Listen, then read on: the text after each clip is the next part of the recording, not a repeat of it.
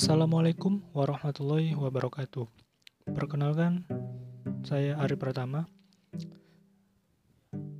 Pada kesempatan ini, saya akan membagikan sedikit knowledge sharing yang saya peroleh dari membaca sebuah buku, yaitu yang berjudul Positive Mindset. Buku ini berbentuk e-book ya, ditulis oleh Yodia.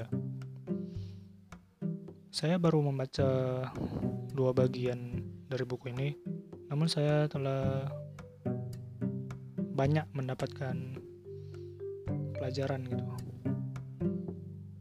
Terkhususnya pelajaran dalam mengatur pola pikir kita menjadi teratur dan lebih positif. Pada bagian satu, saya mengutip beberapa kalimat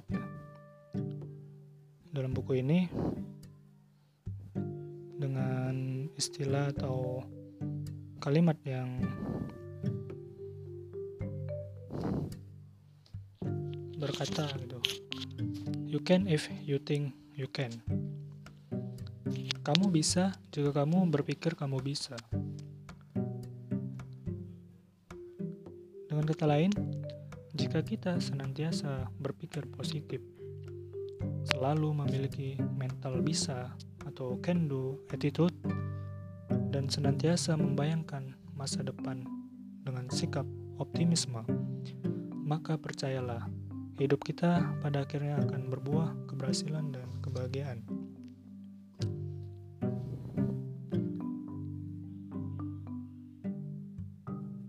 Kemudian berlakunya hukum tarik-menarik atau law of attraction yaitu sebuah aliran yang tengah banyak digandrungi di kejadian-kejadian saat ini ya yang istilahnya seperti rahasia besar kehidupan adalah hukum ini, hukum tarik-menarik. Hukum ini mengatakan bahwa kemiripan menarik kemiripan. Artinya, ketika kita membayangkan pikiran pikiran yang negatif, maka pikiran-pikiran negatif itu akan dikirim kembali ke semesta atau ke kita itu. Contohnya bagaimana?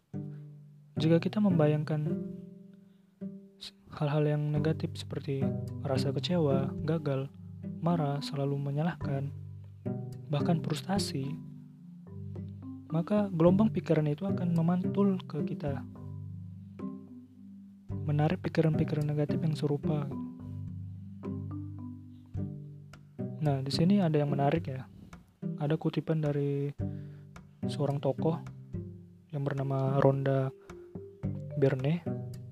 Beliau berkata, "Anda tak dapat menolong dunia dengan berfokus pada hal-hal negatif. Ketika Anda berfokus pada peristiwa-peristiwa negatif, maka Anda bukan saja menambahnya, namun juga mendatangkannya lebih banyak hal negatif ke dalam hidup Anda sendiri."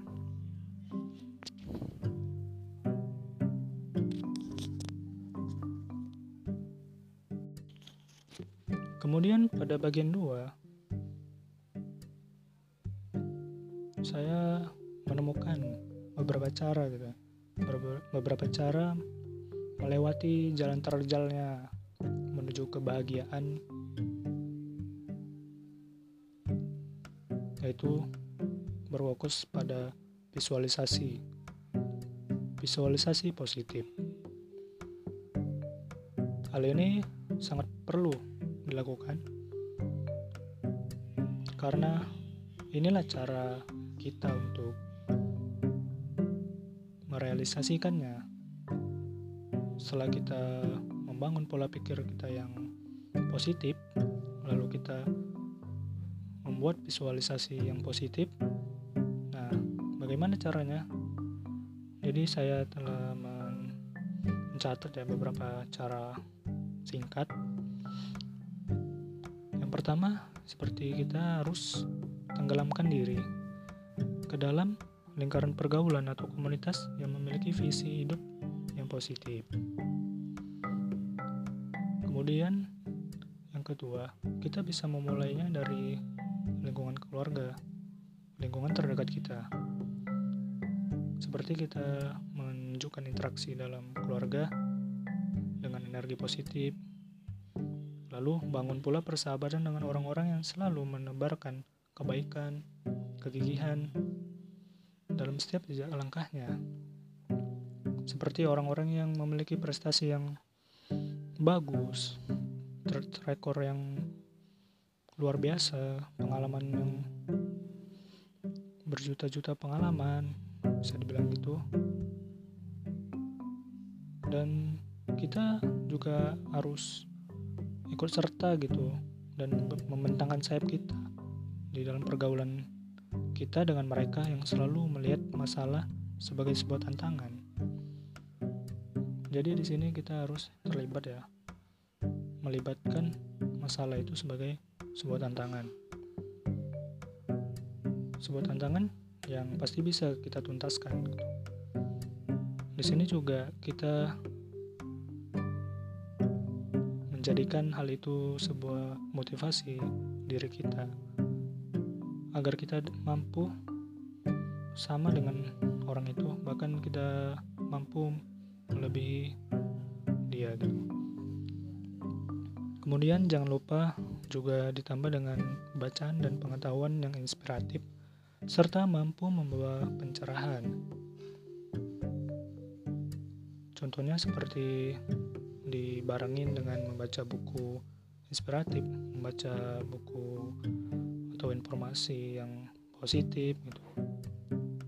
Membaca berita dunia membaca keadaan-keadaan yang baru saja terjadi gitu.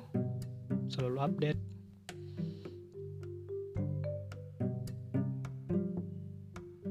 Dan yang paling penting walaupun menuju jalan kebahagiaan dan keberhasilan itu sangatlah terjal sangatlah susah gitu. Namun selalu hadapilah dengan sikap tenang. Hadapilah dengan sikap positif, dengan semangat optimisme dan keyakinan yang kuat. Dan jangan lupa pula selalu bersyukur dan berdoa, serahkan semuanya kepada Allah Subhanahu wa taala. Demikian yang bisa saya sampaikan dalam kesempatan ini ya. Sebuah knowledge sharing